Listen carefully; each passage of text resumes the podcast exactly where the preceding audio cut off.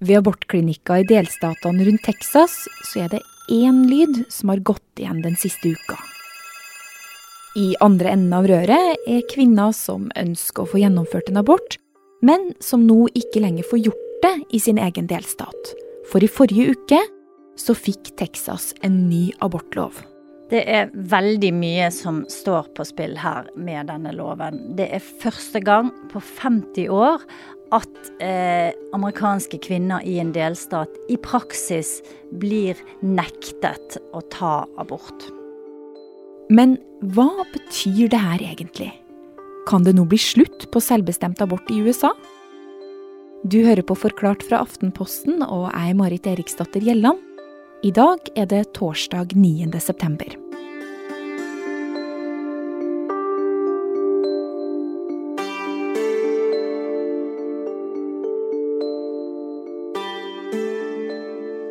First in number 70, 18, Roe against Wade. Det er snart 50 år siden den amerikanske høyesteretten slo fast at alle kvinner i USA har rett til abort den første tredelen av svangerskapet. Mr. Chief Justice, and may it please the court. We are once again before this court to ask relief against the continued enforcement of the Texas abortion statute.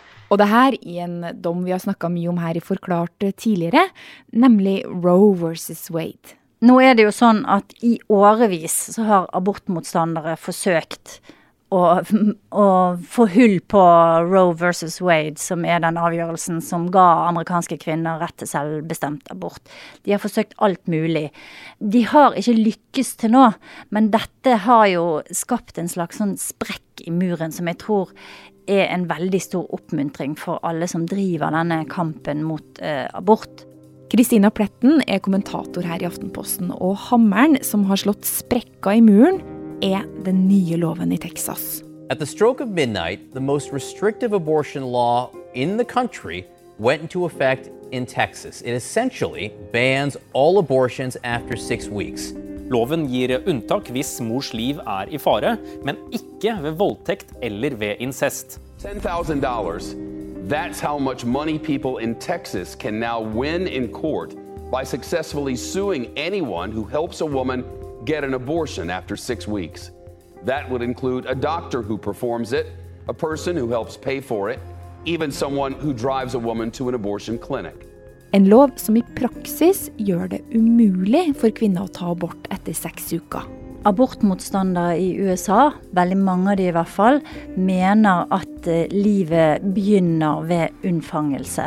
Altså når eh, egget blir befruktet. Og de mener at de da kjemper for eh, dette livets rettigheter, altså fosterets rettigheter, til å eh, vokse frem og til å bli født. Og denne kampen det har jo abortmotstandere nå holdt på med siden det ble lovlig for ja, rundt 50 år siden. Men Kristina, hvordan har det vært da å få gjennomført en abort i Texas fram til nå? Ja, jeg har jo vært og besøkt eh, abortklinikker i Texas. Eh, et sted så uh, sto det masse sånne demonstranter utenfor klinikken. De sto der hver dag. Uh, nærmest som om det var en jobb å stå der og protestere. og inne så fortalte legen som drev klinikken at han hadde blitt beskutt. Huset hans hadde blitt angrepet.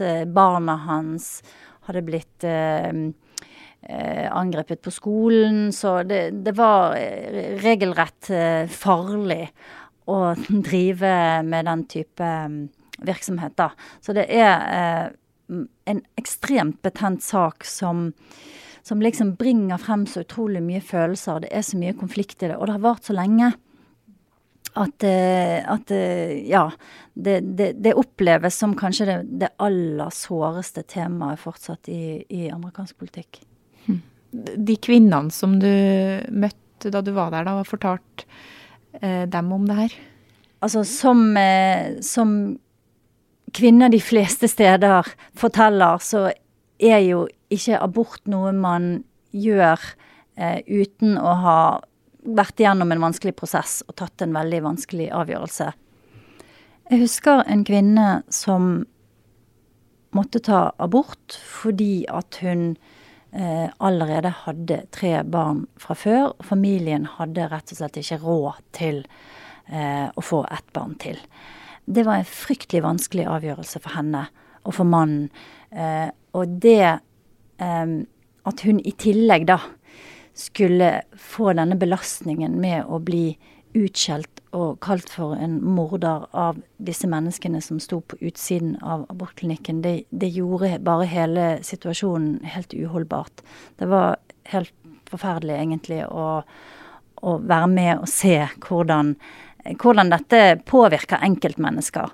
Vi snakker jo ofte om denne abortdebatten i et sånn politisk perspektiv, for og imot, og det er Høyesterett, og det er veldig mye som handler om ting langt over hodene på folk, men eh, i bunn og grunn så handler jo dette her om enkeltmennesker og enkeltmenneskers skjebner. Og ikke bare i Texas. For den nye loven kan få konsekvenser for kvinner over hele USA.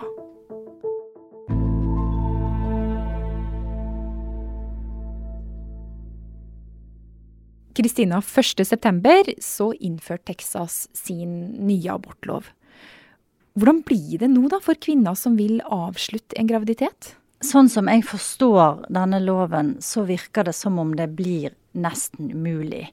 Og det er to grunner til det. Det ene er at loven sier at det skal være forbudt når man hører fosterets hjerteslag.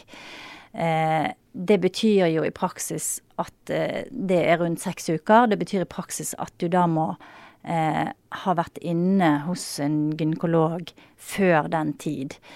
Eh, og det er jo veldig mange som ikke finner ut at de er gravide engang før det har gått en fem-seks uker. Um, det andre er jo det rent praktiske. At en slik lov vil gjøre det så vanskelig å drive med abortklinikk at tilbudet vil forsvinne. På hvilken måte da? Dette er fryktelig komplisert, men eh, det er altså en, eh, en helt ny vri på dette som, som egentlig har satt litt sjakk matt på, på hele abort Eh, på hele aborttemaet, da. Det, det, har ført til at eh, de som egentlig har forsvart retten til selvbestemt abort, eh, de vet ikke helt hvordan de skal svare på denne utfordringen. Det som har skjedd i Texas, er jo at de har skapt en juridisk eh, oppfinnelse, rett og slett. Det er en veldig snedig ny lov. Fordi at det den gjør, det er at den sier at eh, dersom noen tar abort, etter at man kan høre hjerteslagene til fosteret, så kan hvem som helst saksøke de som har gjennomført denne aborten. Det kan være legen, det kan være sykepleiere som er involvert, det kan til og med være taxisjåføren som kjørte kvinnen til klinikken. Så man gir altså eh, allmennheten, offentligheten, rett til å være de som håndhever loven. Og det er helt nytt. Hm. Og det som er vanlig, det er jo som du sier at det er myndighetene som håndhever loven. Og er man uenig, så kan man gå til sak mot dem, og da går saken sin gang gjennom rettssystemet og ender da til slutt i Høyesterett, som vurderer om loven bryter med Grunnloven eller ikke. Men i Texas nå så er ikke myndighetene en motpart, fordi det ikke er de som i praksis håndhever loven. Ja, altså det er en veldig, veldig rar lov. Det må sies. Eh, fordi at det er jo sånn at når lover blir skrevet, og sånn er det jo her i Norge òg, så er det politiet og domstolene som håndhever den loven, som sørger for at, eh, at ikke eh, noen bryter den. Men, men, her så sier man altså at eh, det skal være allmennheten som har rett til å eh, håndheve den ved å saksøke de som utfører abortene. Og så sier man at eh, da får man Man kan saksøke for 10 000 dollar, som er ganske mye penger hvis du ganger det opp med, eh, med flere abortsaker, ikke sant.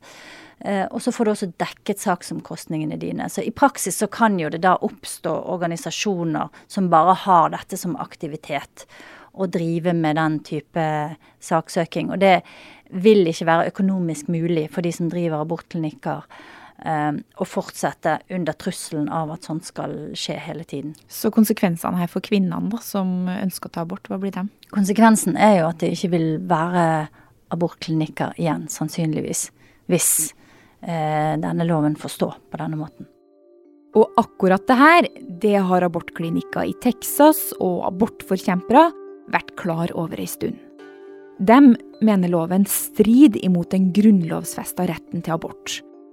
Og for å få loven blokkert før den trådte i kraft, så ble saken satt på Høyesterett si krisesaksliste. Ei liste som gir Høyesterett mulighet til å ta raske beslutninger. Og dagen etter loven ble innført i Texas, så kom avgjørelsen. The Supreme Court deciding not to block a controversial abortion law in Texas, considered among the toughest in the nation. The U.S. Supreme Court has voted not to block a law banning most abortions in Texas. The law makes it illegal to terminate pregnancies after six weeks, even in cases of rape or incest. Flertallet av høyesterettsdommere mente de ikke kunne stoppe loven, og at Texas sin abortlov måtte gå gjennom en vanlig rettsprosess og ikke via krisesakslista. Og dermed ble abort i praksis umulig etter uke seks for kvinner i Texas. Men hva var det som gjorde at høyesterettsdommerne tok denne avgjørelsen, Kristina?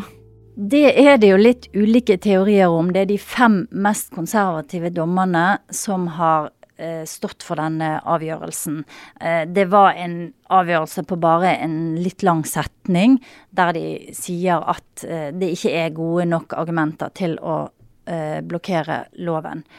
Tidligere så har det vært sånn at store, viktige avgjørelser som får sånne konsekvenser som denne Texas-loven har fått, eh, de blir tatt opp i den vanlige sakslisten og ferdig med det. Vi har sett de siste par årene at den høyesterett som nå sitter, har tatt flere kontroversielle, store avgjørelser gjennom denne krisesakslisten. Noe som har gjort at lover og eh, ordninger har tredd i kraft uten egentlig at man har hatt den rettslige prosessen og argumentene frem og tilbake som er, er, normalt. Det er mange som har reagert på dette her, og det er noe ganske nytt i måten Høyesterett opererer på. Hm. Hva forteller det oss da om den amerikanske høyesteretten, det at det her skjer? Noen frykter at den har blitt mer politisert. Den har nå en overvekt av veldig konservative dommere, og at de bruker sin posisjon, og de bruker denne, dette verktøyet som denne krisesakslisten er, til å banke igjennom eh, kontroversielle endringer i det amerikanske samfunnet. Kristina, helt til slutt, da. Er loven i Texas starten på slutten for selvbestemt abort i USA? Nei, det betyr ikke at det blir sånn for evig og alltid. Eh, Høyesterett var veldig tydelig på at de ikke har vurdert om denne loven er grunnlovsstridig eller ikke. Eh, det vil komme nye utfordringer, og eh, loven vil da bli plassert på den vanlige sakslisten, sannsynligvis havne i Høyesterett igjen, eh, med den ordentlige prosessen og det, argumenter for og mot og alt dette her som, som det pleier å være. Eh, og da kan det godt hende at Høyesterett uh, finner at den er grunnlovsstridig og omstøter den. Men det kan ta tid. Det kan ta ett år, det kan ta to år. Og i mellomtiden så er altså disse klinikkene ikke i stand til å tilby eh, selvbestemt abort for kvinner i Texas. Og ikke bare i Texas, eller Kristina? Det er klart at det er mange konservative delstater som er interessert i å innføre en lignende type lov, når de ser eh, hvilken suksess det tross alt har vært i Texas. Og fordi at det vil gå ganske lang tid før eh, denne ordningen kommer opp i den vanlige sakslisten i Høyesterett, så eh, kan det føre til at veldig mange abortklinikker ikke klarer å overleve. De må lukke dørene. De har ikke råd til å sitte og vente på at, uh, at den, denne loven etter hvert skal omstøtes. Så du kan risikere at uh, det vil bli ganske store svarte hull i kartet, i, i det amerikanske kartet, der det ikke vil være tilgang til abort for kvinner i det hele tatt.